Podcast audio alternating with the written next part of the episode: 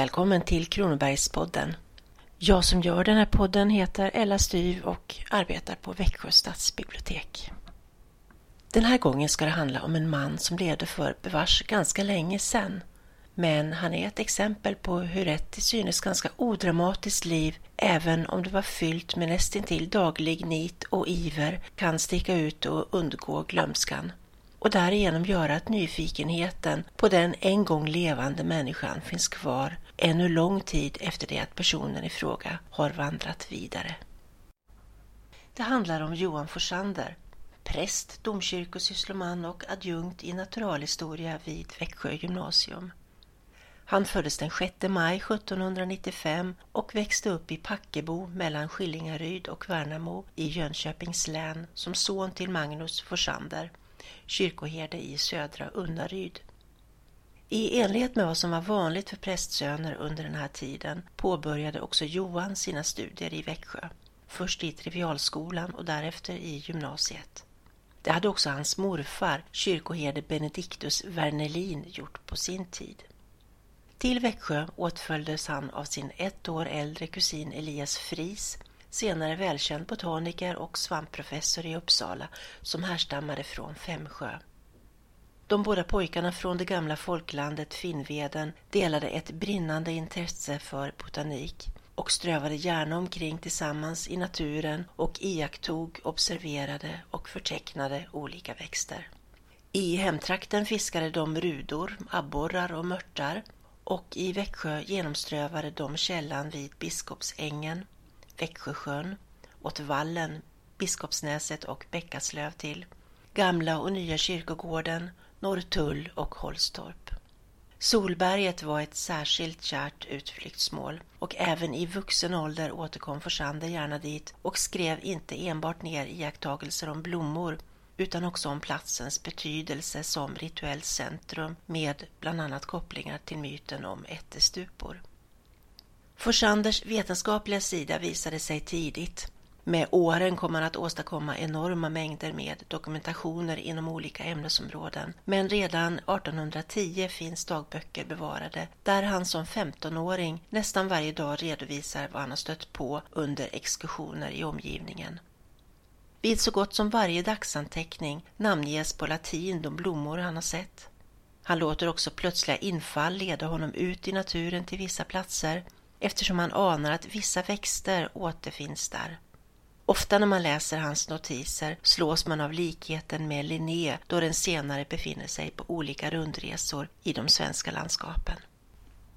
I sitt andra dagbokshäfte, som han skrev fortfarande som 15-åring, beklagar Forsander att det första häftet kanske var lite inskränkt eftersom det så gott som uteslutande uppehöll sig vid botanik Därför gör han en programförklaring om att han fortsättningsvis också tänker uppehålla sig lite vid sin enskilda levnad. Därför får vi till exempel ta del av hur han under januarius månads allra första vecka plågas av en uppsvullen höger käke under örat, vartill feber stöter till med åtföljande muntorrhet. Han diagnostiserar själv sjukdomen med posasjukan eller en lindrig angina men redan den 8 januari är han så pass återställd att han gläds över att vinterns blidhet ännu ej hunnit förstöra Sinekio vulgaris och Viola tricolor som ännu blommar. Både Johan Forsander och kusinen Elias Fri studerade vidare i Lund.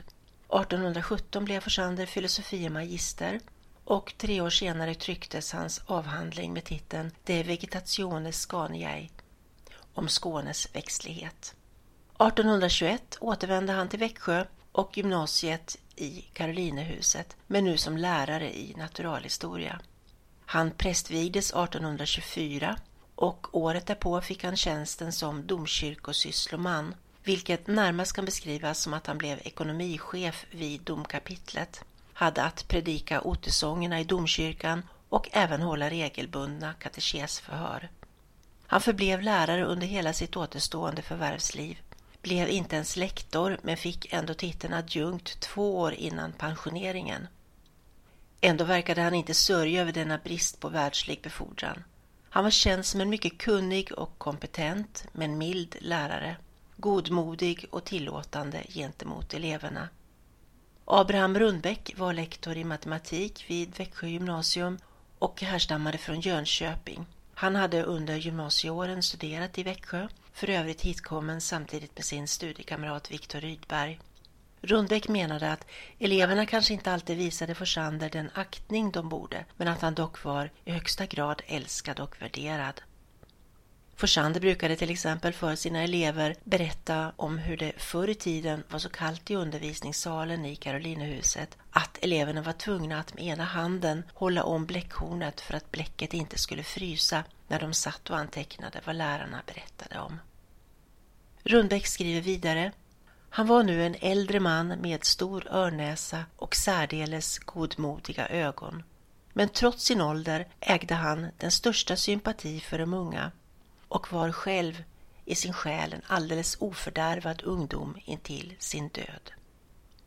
Forsanders karaktäristiska utseende är avbildat av konstnären och mecenaten Uno von Angerstein på Gåvetorps gård i Lekaryd.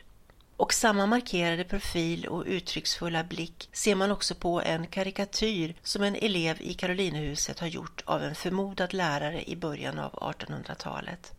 Den teckningen finns idag utställd bland glasmontrarna på plan 1 i Kronobergsrummet på Växjö stadsbibliotek och man kan utan större svårighet se att den avbildade mycket väl kan vara Johan Forsander. God morgon Majestäts Forsander. God morgon min gosse.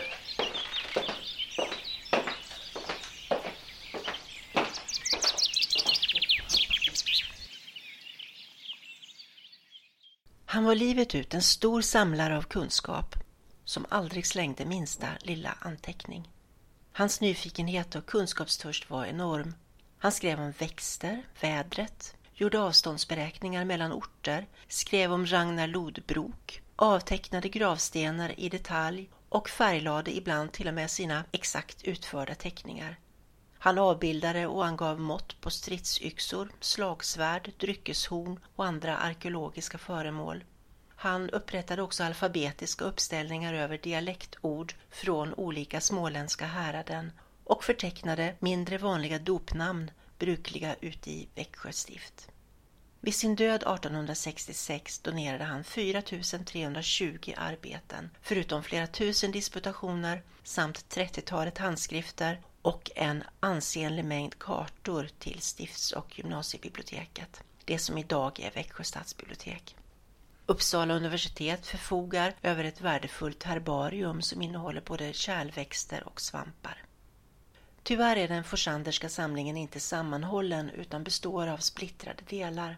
Men bland all den enorma kunskap som han samlade kan nämnas anteckningar till en småländsk flora, anteckningar i naturalhistoria, dagböcker, nothäften, föreläsningar i naturvetenskap, revy över torkade växter, brevväxling mellan Forsander och Elias Fris, botaniska anteckningar, anteckningar i växtfysiologi, smärre samlade skrifter, diverse brev till Johan Forsander samt personalia, meteorologiska anteckningar, samlingar till Växjö stifts herdaminnen i 13 digra band, anteckningar rörande Småland, 11 lika digra band, ecklesiastikmatriklar för Växjö stift för 1776 till 1799 och brev från Esaias Tegnér.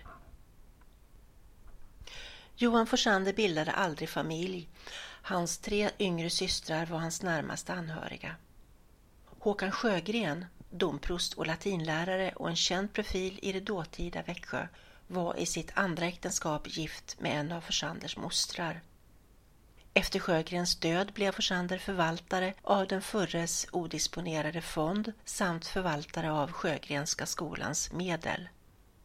Han hade även flera andra ansvarsfulla uppdrag i staden och avsatte sig positivt i Växjös kulturliv. Bland mycket annat var han en drivande kraft i Växjö stads läsesällskap. Därtill var han korresponderande ledamot av Vitterhetsakademin och Riksantikvariens lokala ombud för bevarande av forntida minnesmärken. Han beskrivs som en ovanlig man, utmärkt för kunskaper, reda, ordningssinne och en outtröttlig arbetsamhet. enkel och måttligt i levnadssättet, älsklig i umgänge, övade mycket välgörenhet i stillhet, efterlämnande en icke obetydlig hopsparad förmögenhet. Hans flit, åtaganden och plikttrogenhet är omvittnat också i andra uppteckningar. Till exempel kan man läsa att han hade en arbetsförmåga och ett ordningssinne nästan utan like. Esaias Tegnér hade vid prästmötet i Växjö år 1836 uppmanat honom att fullborda det herda minne över Växjö stift som Forsander samlat så mycket material till. Men fastän Forsander levde i ytterligare 30 år därefter så blev det inte verkställt, förmodligen mycket beroende på blygsamhet.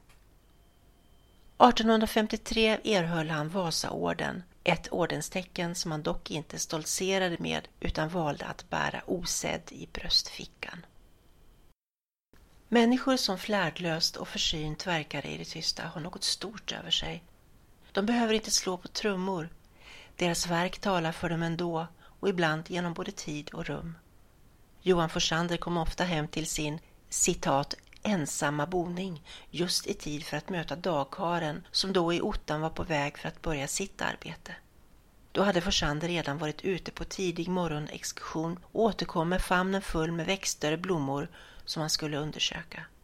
Hela hans liv präglades av flit. Vad han egentligen önskade för egen del höll han för sig själv. Han vilar idag på Tegnérkyrkogården och ifall jag skulle gå med en blomma till någon där så skulle det vara till just Johan Forsander. Tack för att ni har lyssnat. På återhörande.